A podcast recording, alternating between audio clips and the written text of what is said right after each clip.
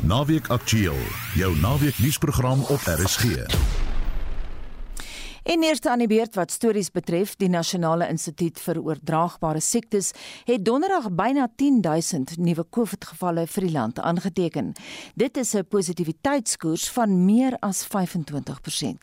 Intussen is altesaam 11 lande wêreldwyd in die greep van 'n vyfde vlaag van die koronavirus. Vir meer konteks praat ons nou met Dr. Angelique Kutse van die Solidariteit Dokters Netwerk. Sy is ook die voormalige voorsitter van die Suid-Afrikaanse Suid-Afrikaanse Mediese Vereniging. Goeiemiddag. Middag Anita en 'n goeiemiddag aan al die luisteraars. Angelique, die toename is dit te wyte aan 'n natuurlike vyfde vlaag wat ons te wagte was nou dat ons die winter binne gaan of is dit spesifiek Omicron verwant? Hierdie is spesifiek Omicron verwant.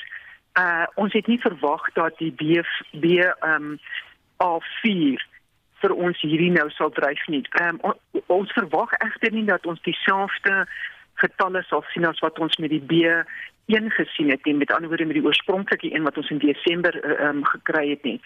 En uh so ons ons het dit nie verwag nou nie. Dit kan nog steeds dalk 'n naderdraai wees van die vakansie vakansie daan goed wat ons gehad het. Ehm um, maar ook dan onthou die B BA4 is baie vinnig spreidend, nog vinniger as die BA1 mm. en dit mag dalk nou vir ons hierdie hierdie stygings gee. Ehm um, en ons mag nog steeds 'n ander vlaag kry. Jy weet met 'n nuwe variant vorentoe, maar vir nou lyk dit of die BA4 ons dryf. Angelique, die intensiteit die intensiteit van die simptome is baie erger as van tevore dit blyk so. Dis wat mense anekdotaal ervaar. Ek het gister met 'n apteker gepraat in Melville en sy sê die mense is baie siek en in huishoudings is daar meer as een persoon siek, baie keer 3. Is dit wat jy ervaar in jou praktyk? Ja, alles ehm um, seker in die opsig dat ons meer ehm um, hoes sien. Jy weet dat dit so sinobronchitis tipe hoes. Ehm um, baie van hulle dink dit is nou hierdie tyd van die jaar, is hulle sinustyd en hulle kry dit. Hulle sê dit ook vir my en as ons hulle toets is hulle positief. So die die interessantheid is jy kan jou griepvirus hê, jy kan jou sinus ehm um, normale sinus hê, maar jy kan Omicron B4 saam met dit hê. Die ander ding wat ek dink verskriklik belangrik is om te verstaan is dat al het jy Omicron ehm um, die die gehad um, kom ons gebruik Desember as 'n voorbeeld. Ehm um, ons sien nou dat hierdie BA4 as ons immuun ehm um, uh, uh, uh, uh, escape sodat mense ehm um, dan nou jy kan toegesiek geword het en jy kan nou weer die B4 ook kry. En dis hoekom die vaksinne so belangrik is om sien dat die mense wat gevaksinneer is um minder siek word mm. of minder intense simptome het as die ongevaksinneerdes. Wanneer skop ons kudde immuniteit dan nou in? Wel, hierdie is my groot bron van kommer want wat ons tans met die met die met die Omicron sien met die B4 um is dat hy um regtig um ons immuunstelsel ontsnap en ehm um, so of jy vorige kere al ehm um, natuurlike infeksie gehad het of nat en of natuurlike infeksie met immunisering en of immunisering gehad het dit dit vrywaar jou nie regtig van die matige simptome nie. Die enigste ding wat dit jou gaan vrywaar is waarskynlik dat jy minder siek sal word in in intensief gaan beland as die ongevaksinerde persone.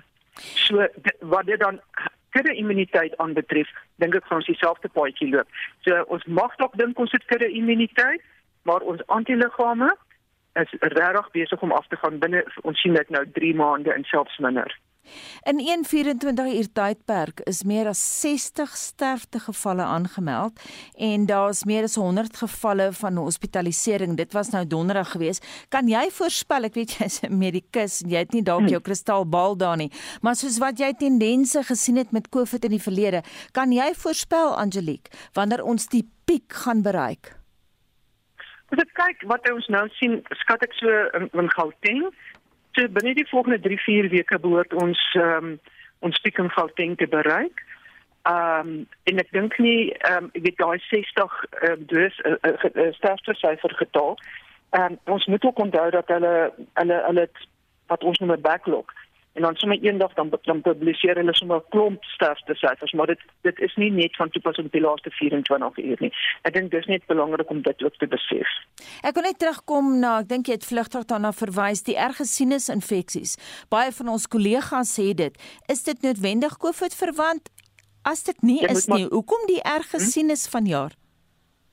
So ek dink wat belangrik is um, op hierdie stadium, dit het ons nou maar eers die laaste week week en 'n half begin besef met die met die met die kliniese dele wat ons inkry in die in die praktyke dat eintlik moet jy nou elke ou toets. Al het hulle Omicron gehad in Desember en Januarie, um, ek het self geval in my kamers waar um, die pasiënte Omicron gehad het in Desember en nou weer lekker siek is met met met die B4. Ek het pasiënte wat volledig gevaksinere is en hulle boosters gekry het um, en self so laat as in Februarie en nou positief toets. So dit hang van jou antiliggame af. Hierdie is alles antiliggame. Ons praat nie van die T-selle nie, want dis die T-selle wat jou red uit die uit die uit die ehm um, uh, intensiewe sorgeenhede uit. So die antiliggame gaan definitief af en ek dink die mense moet dit besef sodat jy met jou of jou sinobronkietis Mm. Um, en die dokters moet ook asseblief toets net daai ouens en maak net seker dat hulle nie saam met dit omkron het nie. Mm ek het dit ook gister by die apteker gehoor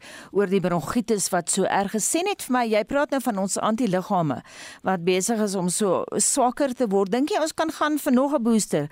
Gestel jy het nou byvoorbeeld soos ek nou al jou 3 gehad. Kan mens gaan vir 'n vierde as die regering dit sou toelaat en sou dit help?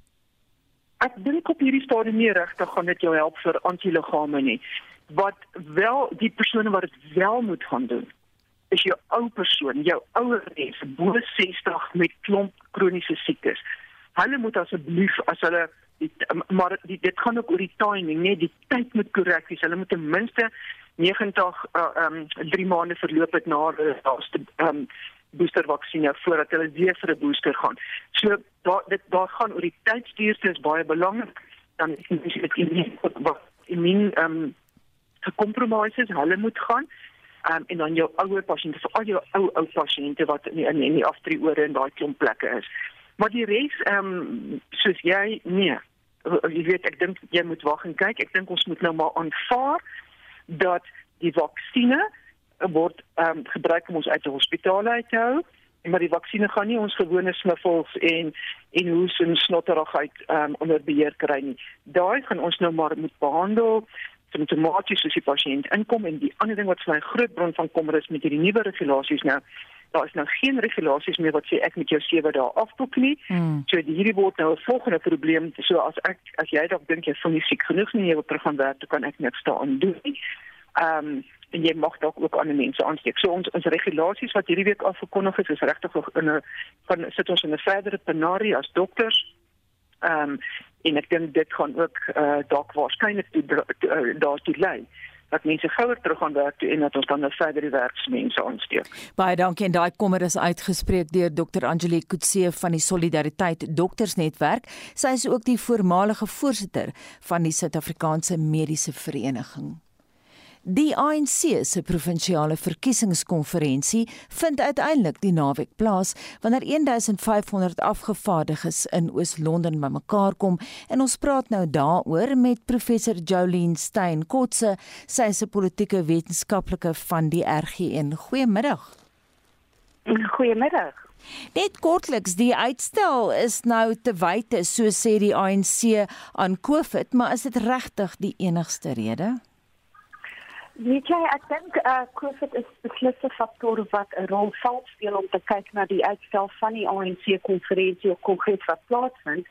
Maar ek dink 'n mens kan ook nie ignoreer die uh verskeie hoe kan mense probleme, uh interne probleme en interne dinamika binne in die ANC wat wys na 'n baie hoë vlak van onstabiliteit mm. wat dalk ook 'n rol gespeel het om te sê kom ons stel liewer uit sodat ons 'n bietjie meer tyd kan koop uh, om te kyk watter onderhandelinge ons kan maak en watter konsensusposisies ons kan bereik voordat ons kongres toe gaan. Nou die Oos-Kaap is ook bekend vir sy faksiepolitiek selfs meer so as elders in Suid-Afrika. So dit is die konteks waarbinne hierdie konferensie nou plaasvind. Watter faksie staan sterk? Die Pro Ramaphosa groep of die Zuma Ysmagashule gesindes?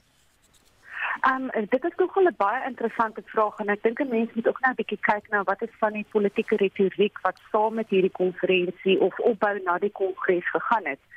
Um aan die een kant het ons die Maguyane faksie wat sê nee luister uh, die die uh, RET faksie is besig om um my te isoleer of hulle wil my onderbring en dan aan die ander kant natuurlik het jy ook die groter konteks um van die RET en dit is moeilik om te sê want mense moet ook onthou die breder nasionale konteks en natuurlik die werk van die Zondo-kommissie wat nou begin uitkom. Hmm. Um gaan beteken dat vir beide van die faksies dit 'n baie baie moeilike tyd gaan wees om ondersteuning te kry.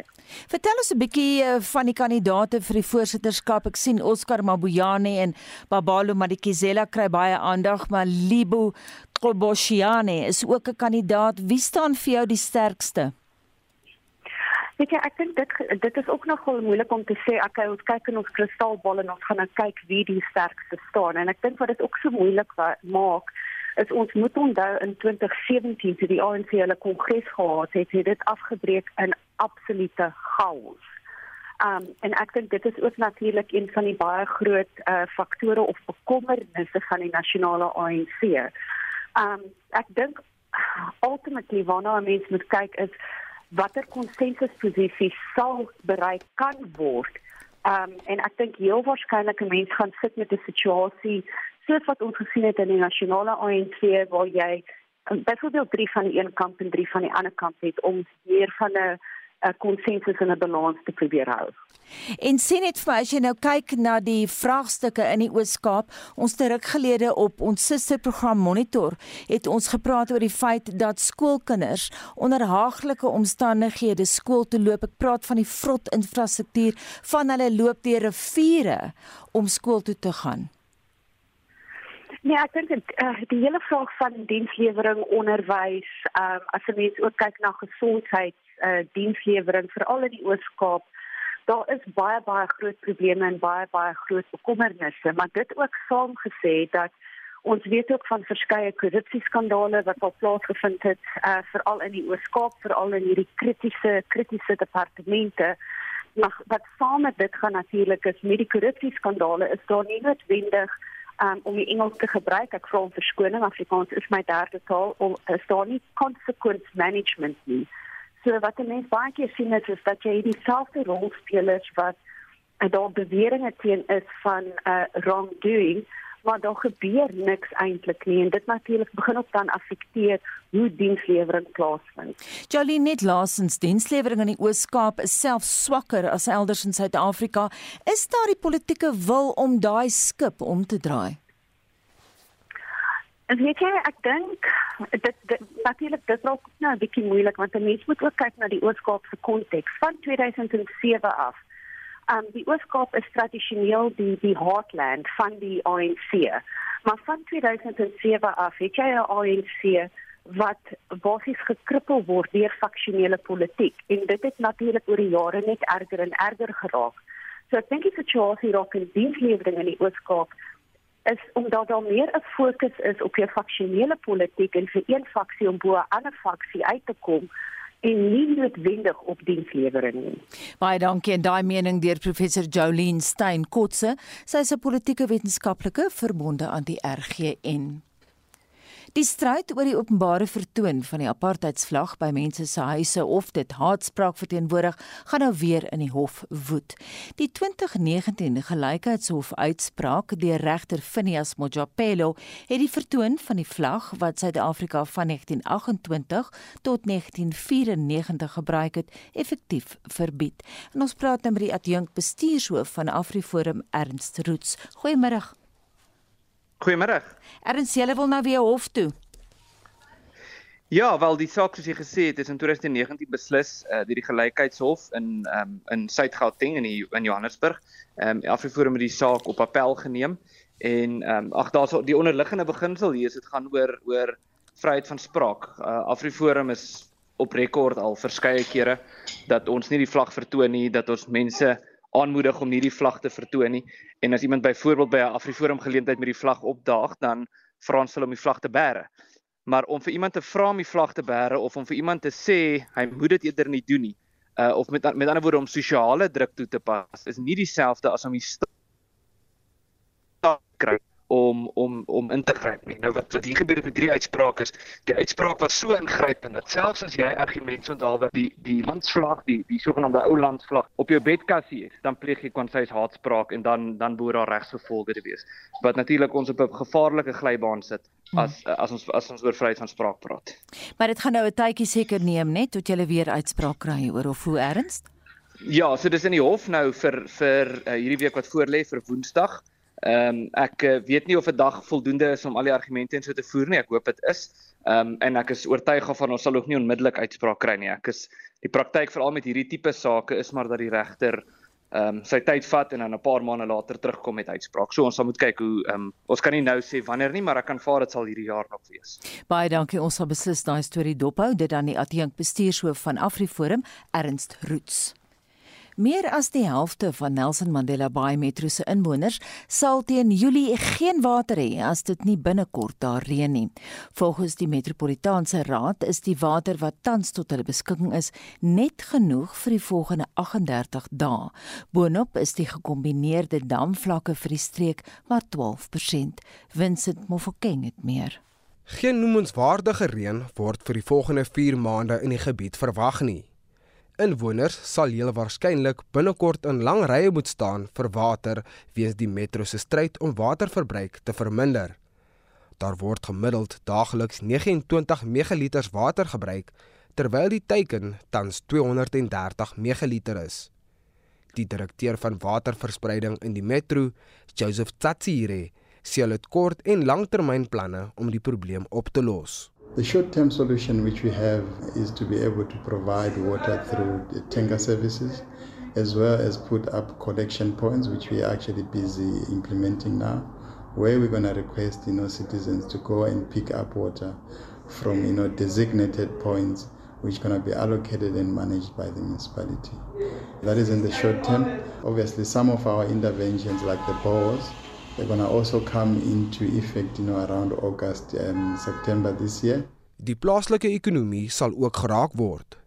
Die uitvoerende hoof van Nelson Mandela Bay se sakekamer, Denise van Huisteen, sê politieke onbestendigheid binne die munisipaliteit en waterlekkasies vererger die situasie known about this water crisis for a long time, and a lot of, especially big manufacturers, have implemented recycling initiatives. There's rainwater harvesting, water restrictors, and so on that have been implemented.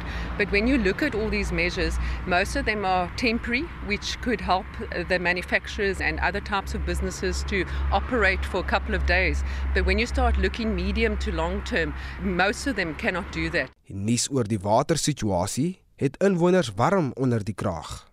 That's totally unacceptable because our people are supposed to survive without water. They're telling us about the COVID and we need to wash frequently hands. How are we supposed to do that if there's no water? Everybody and every place we use water. So now if the water is not there, you are going to die. Gebiede wat geraak word is Somerstrand, Walmer, die sentrale stadskern, Zwide, New Brighton en KwaNobuhle die verslag deur MCBC Gina in Gebega. Ek is Vincent Mufokeng vir SAI Garnis. Die minister van Openbare Werke, Patricia de Lille, sê haar departement is gevra om 28 brûe in vier streke in KZN te bou na die onlangse oorstromings.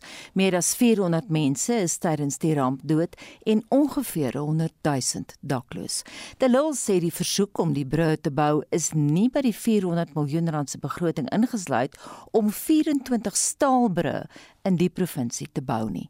Die bykomende brûe sal gemeenskappe in afgeleë gebiede veilige toegang gee tot skole en klinieke. Marlenae Forsie het meer.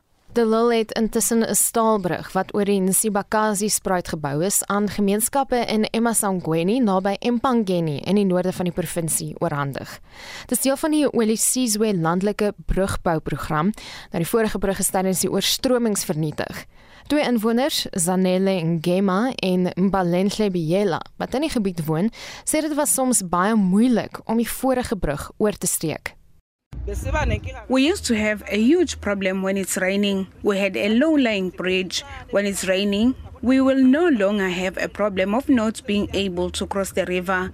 We have another low lying bridge that was washed away during the floods at the Mkwakwini area. We would appreciate it if that bridge can also be constructed. Teachers will also be able to come to school even if it's raining. Community members will also be able to cross when they are going to town.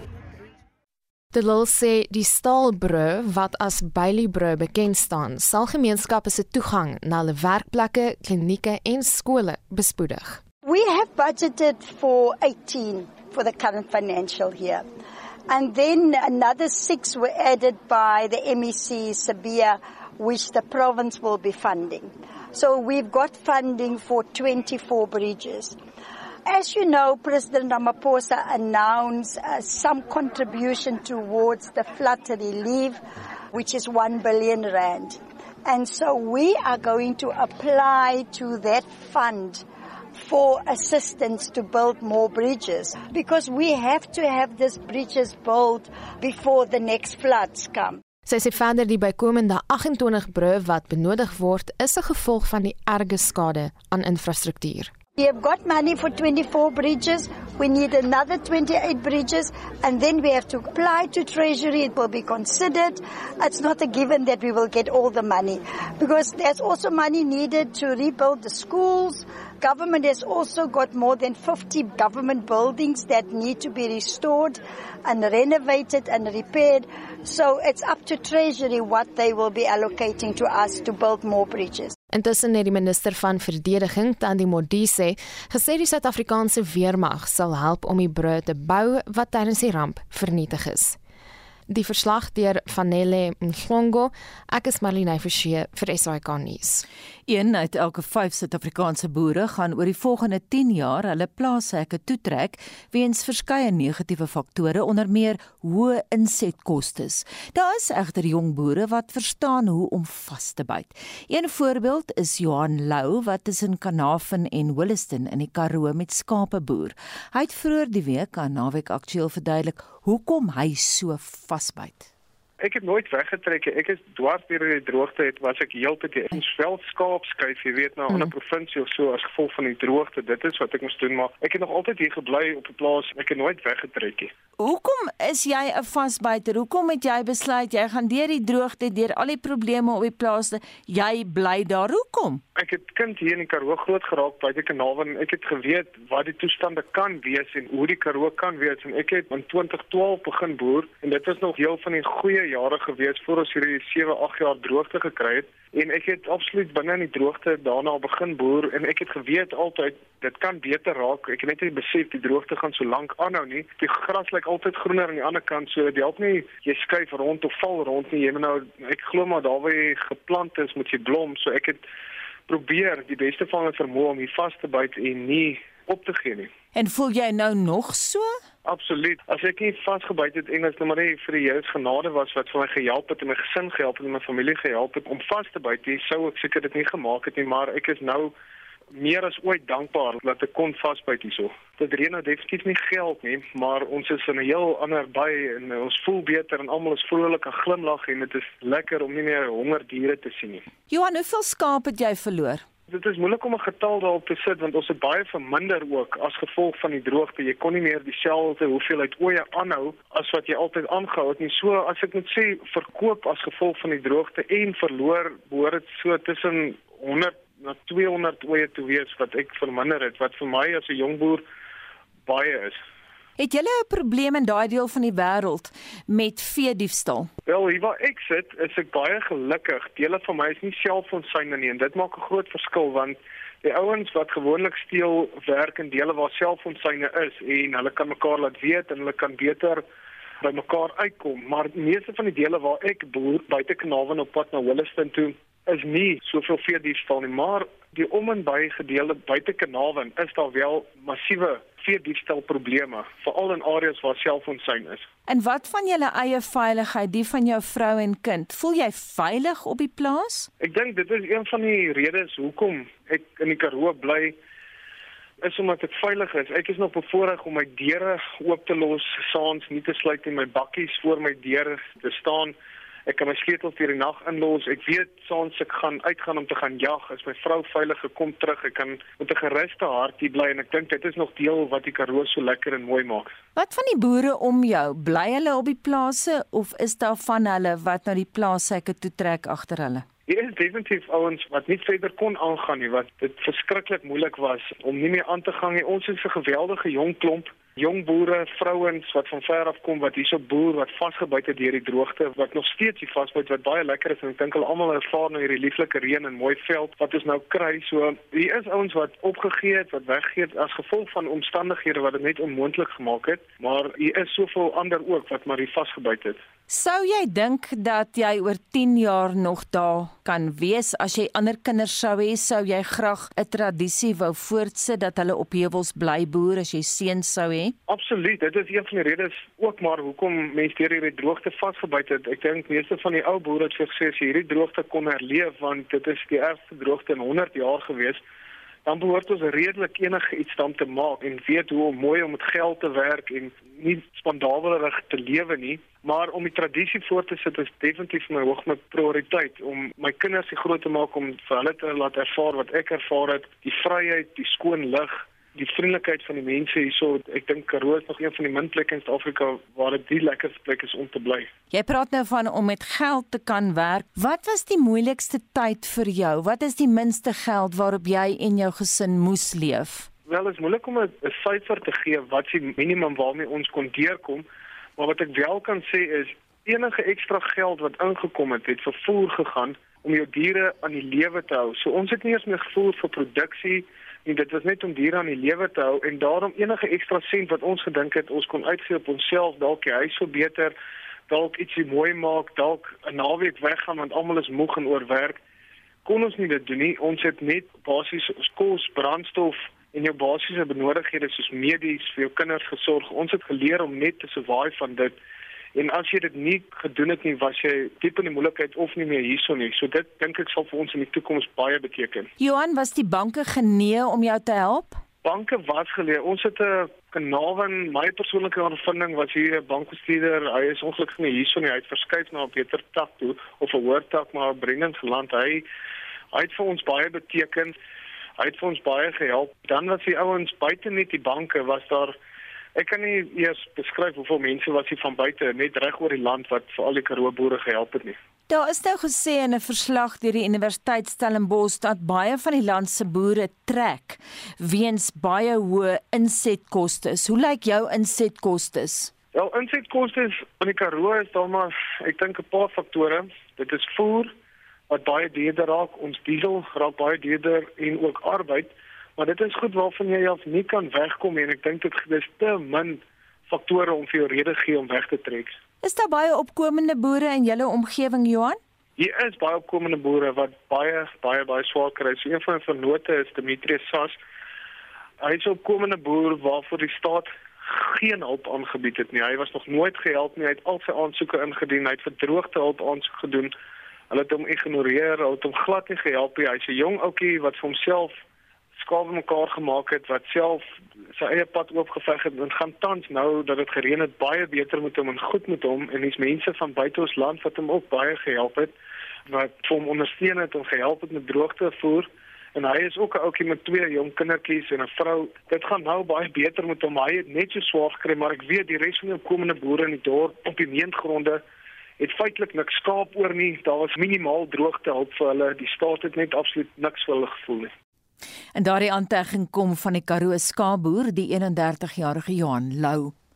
Bestaansboere in Noord-Zululand kan tot 18 miljoen rand per jaar spaar om hulle suikerriet goedkoper by Meulens in Pongola en Felixton by Empangeni te kry, danksy 'n oorlaai fasiliteit wat gister by Mkuzi geopen is. Die land se grootste suikerboer, Charles Senekal, was by die geleentheid en ons praat met hom. Goeiemiddag, Charles. Goeiemôre, hoe gaan dit daar? Dit gaan goed, maar seker beter daar by julle. Jy is die man agter die idee. Skets vir ons die agtergrond kortliks.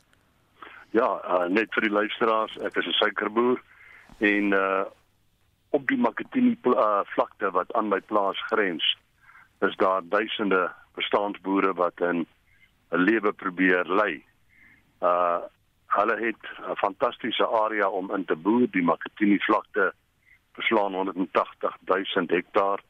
Daar is volop water, goeie uh, klimaat en uh die suikerboere is maar meer in deel die mense wat ek my oor ontferm op die vlakte. Mhm. Mm Ons mm, gaan voort. Daar is daar is tussen uh 80 en en uh 100 uh jong opkomende boere wat besig is om te boer daar. Maar hulle is baie ver van die naaste suikermeele af. Dan moet hulle hulle hulle vervoer met vragmotors doen wat oor 'n afstand van 220 km uh, uh strek om by die suikermeele te kom en so vrag om 'n vragry daar af te laai kos jou baie maklik 3500 tot selfs 4000 rand. Hmm. En uh, die fasiliteit uh bring ons nader. Dit dit gee hulle nou 'n 40 km uh roete. Hulle ry van die Makatini vlakte tot op my plaas en daar het ons 'n pragtige oorlaai fasiliteit geskep wat 38 miljoen rand gekos het waar ons hulle suikerriet van die lorry af van die vragmotor af in die trein laai en hy vervoer nou 'n vrag vir 4 uh, vir 600 rand teenoor amper 4000 'n maand gelede. Mhm. Mm Sjoe, dis sekerlik 'n hupstoot vir moreel gegee verlede Julie se gebeure in KZN. 'n Geweldige. Ja die die die die Senekals en die Makatini uh dit is nou 'n streek waarop hulle boer, net die Makatini en die Senekals loop al 'n pad saam van dig by 20, 25 jaar. En uh hulle het baie waardeer dat ons met die voorstel na vore gekom het. En uh ons gister het ons hier voorreg gehad om die minister van landbou daar te hê sy was baie beïndruk met wat hulle gedoen het met die 38 miljoen rand wat sy vir ons gegee het. Mm. En uh, uh sy het gestaan en kyk terwyl ons van die boere se riet oorlaai en was baie baie beïndruk. Daar was daar duisende klein boere. Uh ek dink daar was oor die 4000 gistermiddag gewees. En uh almal is in die skik op in hul skik met wat ons daar bereik. Sal net laasens en kort asseblief vir die algemeen, hoe vaar die bestaansboer? Hoeveel suiker produseer hulle?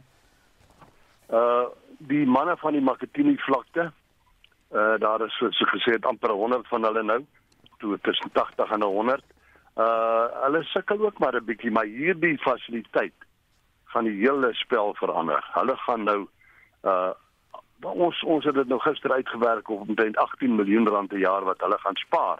As jy dit nou deur nou deur sê 60 70 deel dan gaan hulle almal by 3 400 000 rand per jaar meer kan verdien vir dieselfde hoeveelheid suiker baie wat hulle gaan lewer. Baie dankie, dis sommer baie goeie nuus vir ons almal. Dit dan die land se grootste suikerboer, Charles Senekal, wat vanuit Mkuzi in KZN met ons gepraat het.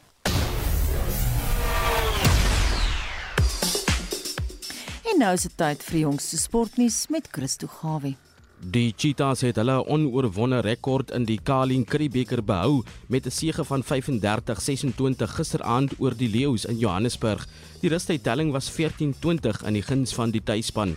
Die Cheetahs het 4-3 gedruk deur onderskeidelik die flank Gideon van der Merwe, die hakker Marnus van der Merwe, die vleuel Duncan Saal en die plaasvervanger hakker Louis van der Westhuizen, terwyl die Leeu's 2-3 gedruk het deur die linker vleuel Stian Pinaar en die flank Lindo Nkusane.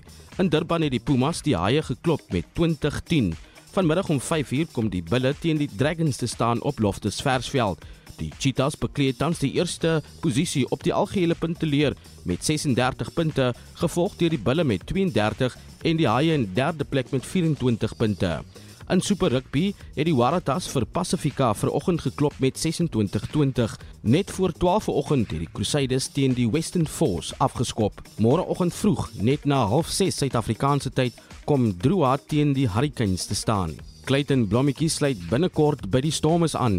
Die Cheetahs se heel agter Clayton Blommetjies sê hy wil sy eie man wees wanneer hy hom volgende seisoen by die Stormers sal aansluit. Hy sal vir Warwick geland vervang wat vir die Stormers uitgeblink het ondanks 'n stop begin seisoen weens beserings. Blommetjies sê die Curriebeeker is steeds daar om deur die Cheetahs te wen al is die Bulle die beste span. En Orlando Pirates sal probeer om hulle Afrika droom lewendig te hou wanneer hulle vir Al Ahly Tripoli môre in die Matthys of February Stadion die stryd sal aansê in die eerste been van die Afrika Konfederasie beker halfeindronde. Dit is die eerste keer sedert 2015 dat die Buccaneers die voorlaaste stadium van die kompetisie bereik. Hierdie kragmeting skop om 6 namiddag môre aand af. En dit was RC se sportkorrespondent Christo Gawin.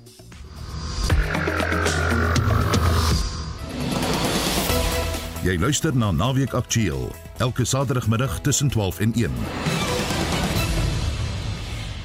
Dinsdag 3 Mei is deur die VN tot Wêreld Media Vryheidsdag geproklaameer en dit is dan hoekom ons verlede Saterdag gefokus het op Max de Pre wat vryheid van spraak en denke versinne beeld.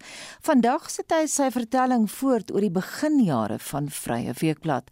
Trouwens, de Pre sê hy was meer in die hof as op kantoor in daardie vuurvreter tydperk van November 1988.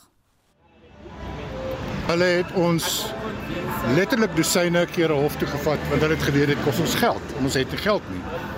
En dit vat my uit die kantoor uit so ek kan nie werk nie. En ek het in elke geval as ek skuldig bevind en ek het opgeskorte vonnis gekry en hoë boetes gekry en dan gaan staan jy maar weer in die hof en 'n klomp lastersake insluitende PW Botha.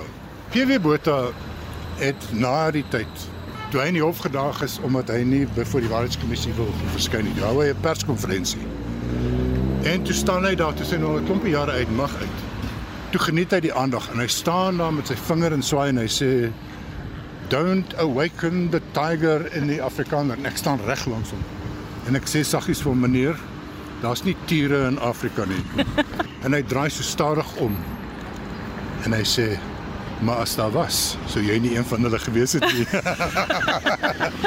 en hy tik my so op my met sy vinger op my bors. En al hierdie buitelandse koerant en televisie mense weet nie wat nie tussen hierdie klomp boere aangaan. En hy sê this man has been spending his life making trouble for other people. As jy jouself moes beskryf, hoe sou jy jouself beskryf want jy moet sterk senuwees hê. Jy weet jy lag net so half as jy sê die bal hier kom nou alweer hier aan. Hoe het jy senuwees dit gehou? Het jy nie baie keer gedink ag weet jy wat, is dit regtig die moeite werd? Ag ek dink dit was deurs adrenaline. As ek gedink het dit gaan 'n rustige tydverdryf wees. Ek is by Afrikaanse media by nasionale pers en media burger in beeld weg einde van 1982 omdat ek beswaar gemaak het oor hoe hulle die nasionale party in apartheid ondersteun het. En toe gaan werk ek vir Financial Mail en Business Day en Sunday Times. Dieselfde weer. Ek meen daar het ek opgang gemaak. Ek was politieke redakteur. Ek het geloop daar om Vrye Weekblad te kan begin wat ek geweet het met my finansiëel gaan ruïneer waar daar geen journalistieke toekoms is. So as dit jou siening is, as dit jou benadering is, dit gaan nie oor net nog 'n job nie. Ons het 'n soort journalistiek gepleeg wat nie gepleeg is ooit in Afrikaans nie. Ons het wonderlike mense gehad soos Billy Hubert en Jacques Pau en Elsie Wessels en Christo Plessis en besonderse besonderse mense. Anton Sassenberg, Ryk Hatting, mense soos Ralph Rabie het by ons mm -hmm. gewerk en so aan. En van Ralph gepraat, ek sien op een stadium word jy aangehaal om te sê julle kulturele blaaie was net so belangrik soos die politiek wat julle losgeskryf het, ja. soos die vlakplaas stories, ja. soos die ander julle kultuurgoed was van belang want dit was verskuivend. Ja. Dit is waar ek is bly ek het dit gesê. Partykeer praat ek ook nie altyd stront nie. Van my kant af wat wat maar die primêre motiveerder vir hierdie drywer van hierdie proses was. Ons moes die waarheid vertel vir die mense En toe kom organies begin vry weekblad in iets ontwikkel. Met mense soos Koos Prinsloo daar en Andrea Vanassa, hulle het hulle self die kulturele vleuel genoem. Mm -hmm. En skielik begin die kulturele vleuel goed doen wat ons aard en karakter verander. Hulle skryf oor kultuur en film en teater en beeldende kuns op 'n manier wat nog nooit in Afrikaans gedoen is nie. En hulle skryf los. Julle het Afrikaans skryf verander. Al die ja. u's uitgehaal, die vreeslike formele styl. Ja. Ek weet op 'n stadium met jy in 'n RSC onderhoud gesê en die ou kamp het nogal gekla oor julle taal en ja. toe het jy toegegee dat miskien kon julle 'n bietjie anders gesabbat hier en daar. Ek weet nie of ek dit sou toegee vandag nie. Maar ek is dankbaar om te kan sê Vrye Weekblad self oorspronklik het 'n groot bydrae gelewer om Afrikaans losser in die media te. Mm. Want as jy kyk na Burger en Beeld en Volksblad van die tyd, het van hierdie goed aan boord geneem mm -hmm. en losser begin skryf. Mm -hmm. Skryf soos jy praat. Die eintlike idee vir Vrye Weekblad het in Dakar ontstaan. Ja, eintlik net daarna, toe ons klaar by Dakar het ons vir president Thomas Sankara gaan ontmoet van Burkina Faso in Ouagadougou. Ek sit daar langs die swembad saam met van Sel Slabbert en Beyers Nodee. Mhm. Mm en Brighton Breitenberg en Abraham Viljoen, Constant se tweelingbroer. Mm -hmm. Iemand bring vir ons die fakse in van wat die Suid-Afrikaanse media geskryf het oor wat ons gedoen het in Dakar. En ons sit net daar aan ons monde hang oop want dit is meelopers van die terroriste, bruikbare idioote vir die marxiste. Ons het uitverkoop, selfs die Engelse media. En dit was vir my absoluut skokkend dat hulle dit so mis kon verstaan. En ek spreek toe die skok uit en oom Beyers Nodee kyk my so. Hy sê van dismiss my so half met sy een hand. Hy sê jy beïndruk my nie dat jy kla nie. As jy dit wil verander moet jy dan iets doen. Mhm. Mm dis sê ek sê wat jy sê dis tyd vir 'n Afrikaanse koerant. En Bruiten en van Sail skud almal hulle koppe en Abraham Viljoen sê en dan noem julle dit Vrye Weekblad. Toe het ek teruggekom en min steun daarvoor gekry. Mense was baie sinies daaroor En uiteindelik het ons dit gedoen en van Sir Slabbert was die voorste van ons direksie en hy het al die pad gestap tot by die einde. Ons direksie het bestaan uit van Sir Slabbert en Sampieter Blanche. Kyk, Sampie was toe pas uit die broedermond uit. Mm. So Sampie het toe pas besluit hy gaan sy innerlike waarheid spreek. Mm. Mm. En hy het baie vir ons geskryf. Hierdie leer gebou se naam was die Yard of Ale. Dit was die mees populêre restaurant in hierdie deel van die dorp. En ons het hier gekom en die eienaar, ou Potty was ons pel en ons het hier gedrink en geëet. En mettertyd het dit 'n plek geword vir buitelandse korrespondente. In die 80s 90s was hier vreeslik baie van hulle. En diplomate. Ek het hier vir Joe Slovo saam met hom geëet. Ek het saam met Winnie Mandela hier geëet. Terwyl Kota het altyd in ons kantoor ingekom. ja. Hy was toe nog ANC. Hy het in ons kantoor ingekom klop aan die deur en skree op ons, "Hey julle boere, wat maak julle?" Want ons kom van dieselfde dorp af. Hierdie plek, the Yard of Ale, Potty Potgieter. Hy was saam met die universiteit. Hy het hierdie plek gebou tot iets wat 'n sosiale kern was. En as ons belangrike mense kry, oor kan dit was Gramadulas. Ja, ja. As iemand ons betaal nog eet jy daar. As jy, nie, as jy betaal, as jy betaal eet jy by Potty. Eet jy by Potty? ja. Okay. En uh en dit lyk nogal dieselfde behalwe alles is leeg wat my bring by Suid-Afrika nou. Wat is jou gevoelens daaroor?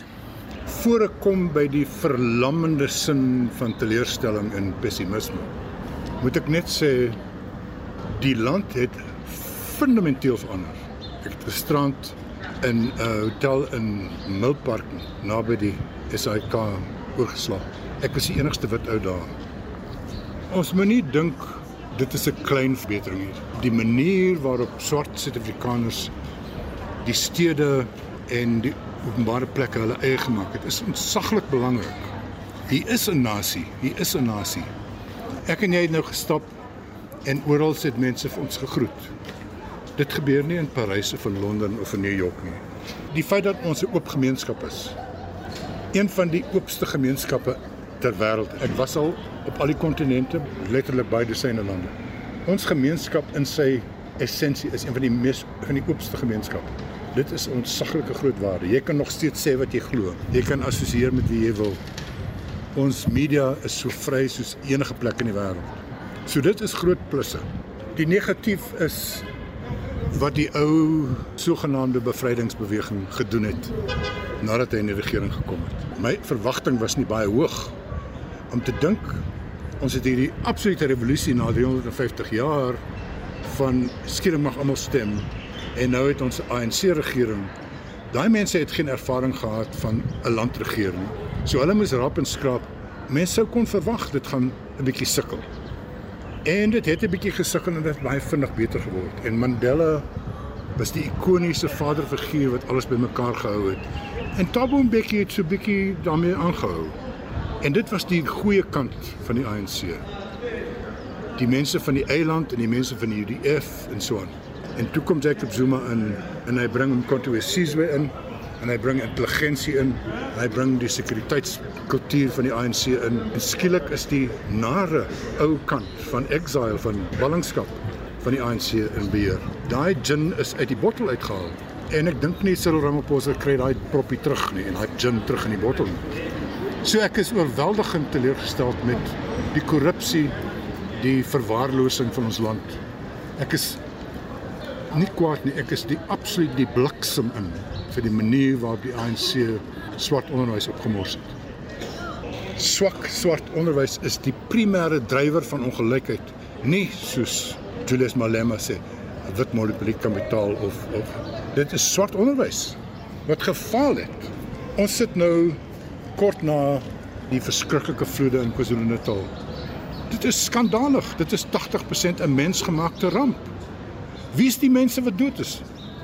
By die 500. Wie se hulle dood is? Arm swart mense. Hoekom? Hoekom? So jy sit met 'n ongevoelige heersersklas wat net self verryk. Dit is nie goed genoeg nie. Dit aan die joernalis Max de Pre en volgende week kan jy luister na die derde en finale uitgawe van die indiepte onderhoud met Max. Op 6 Mei 1937 is geskiedenis in die lugvaart gemaak toe 'n onvergeetlike voorval by die Lakehurst militêre basis in New Jersey plaasgevind het.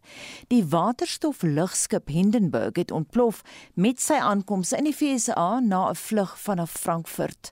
Van die 61 bemanningslede en 36 passasiers sterf daar 35 en een toeskouer moet met sy lewe. Die drama is goed gedokumenteer op kamera, maar dit was radio as medium wat die boodskap op die mees dramatiese manier oorgedra het. Maar oordeel self. Hier is Herb Morrison se beroemde weergawe wat hy vir die radiostasie WLS in Chicago gelewer het.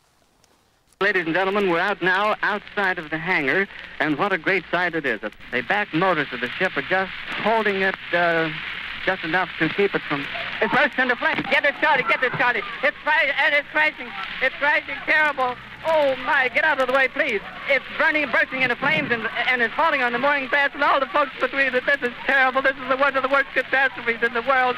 Oh, it's it's, it's the place is twenty oh, four or five hundred feet into the sky. It, it, it's a terrific crash, ladies and gentlemen. The smoke and the flames now, and the frame is crashing to the ground, not quite to the mooring mast. All the humanity and all the passengers screaming around it. I, I can't talk, ladies and gentlemen. Lakehurst, New Jersey. The German dirigible Hindenburg is on fire. How serious is the blaze cannot be determined at this time, but it is reported that the entire ship is involved. This bulletin is from the Press Radio Bureau. En dit dan daai klank is opgespoor met hulp van Karen de Tooy van ons argief en ons bly by die argief waar die volgende politieke brokkie vandaan kom.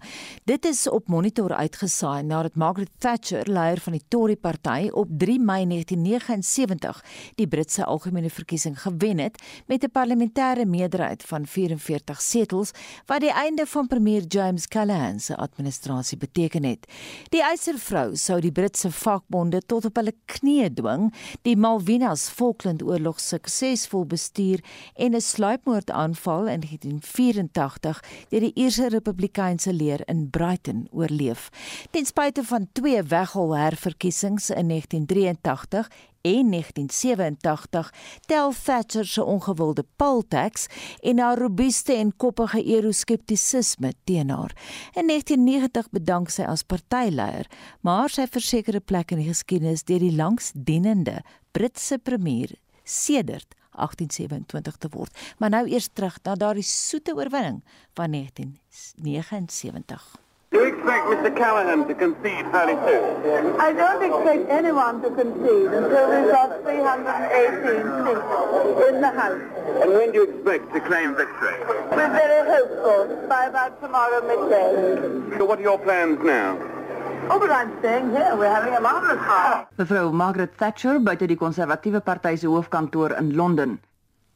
En uh, dit dan deel van Monitor se dekking van die 1979 Britse verkiesing en die klank is opgespoor met behulp van Karen de Tooy van die SAK se argief. En 123 1253 en ons weeklikse motorrubriek kry Wessel die kans om voertuigverkope te bespreek en dan kyk hy ook na luisteraarsbriewe.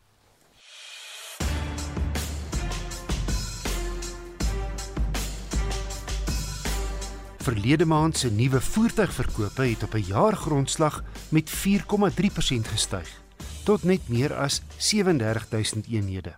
Ondanks die vernietigende impak van die vloede in KwaZulu-Natal. Verlede maand se vloede het nie net voorraad, vervoer en haweontwrigtings veroorsaak nie, maar Toyota Suid-Afrika se prospekting aanleg buite Durban moes sluit en duisende voertuie is beskadig. Dis nog onseker wanneer produksie hervat gaan word, maar voorraadtekorte van plaaslik vervaardigde modelle soos die Hilux, Fortuner, Corolla Cross en Quest gaan noodwendig oor die volgende maande voorkom. Die Toyota handelaar in my geweste sê as jy vandag jou naam op die waglys vir 'n Corolla Cross het, gaan jy hom eers in Desember of Januarie ontvang. En dis interessant hoe die prys van gebruikte Corolla Cross modelle wissel tussen 20000 en 120000 rand hoër as die nuwe prys. Ondanks die vloedskade was Toyota steeds die topverkoper verlede maand met net minder as 9000.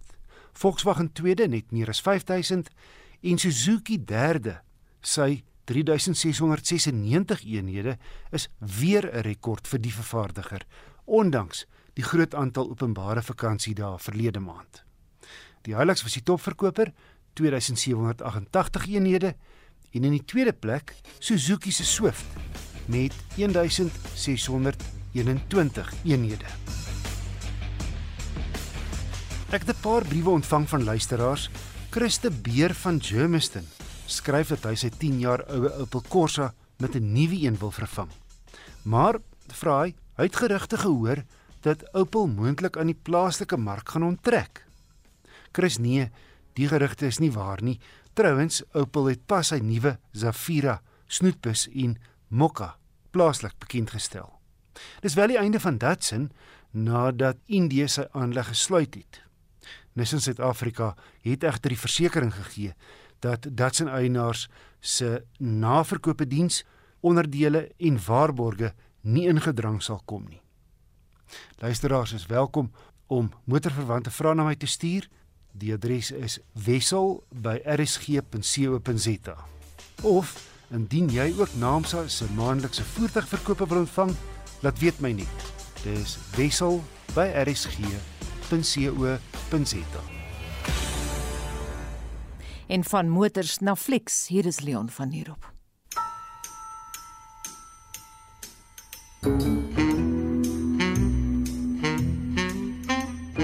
Jy moes reeds tee saam met die Crowley gesin gedrink het om Downton Abbey 2 te waardeer. Liewe genade, vra jy seker.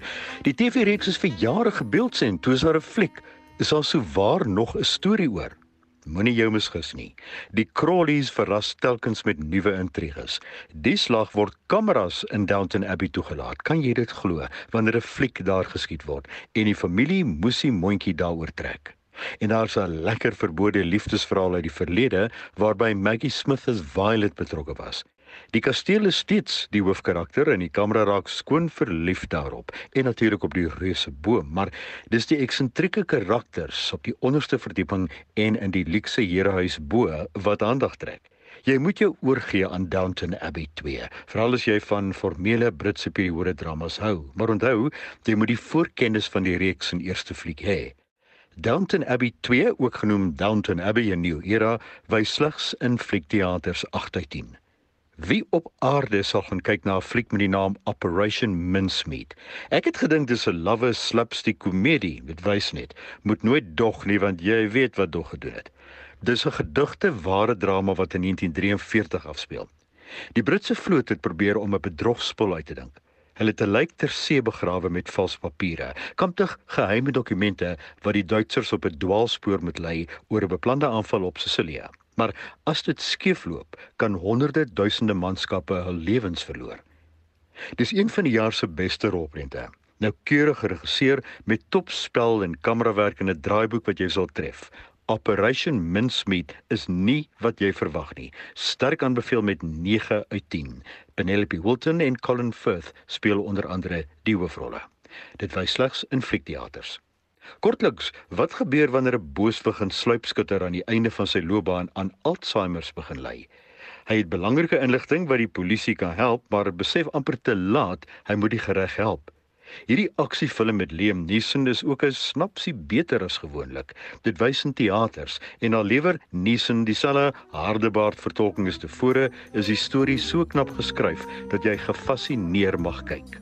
Onthou hierdie rolprent is Memory 8 uit 10 in teaters.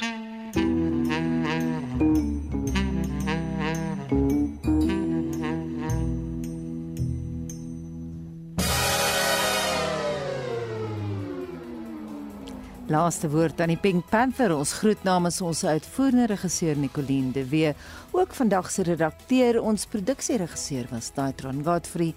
Ek is Anita Visser. Geniet jou middag in die geselskap van RSG.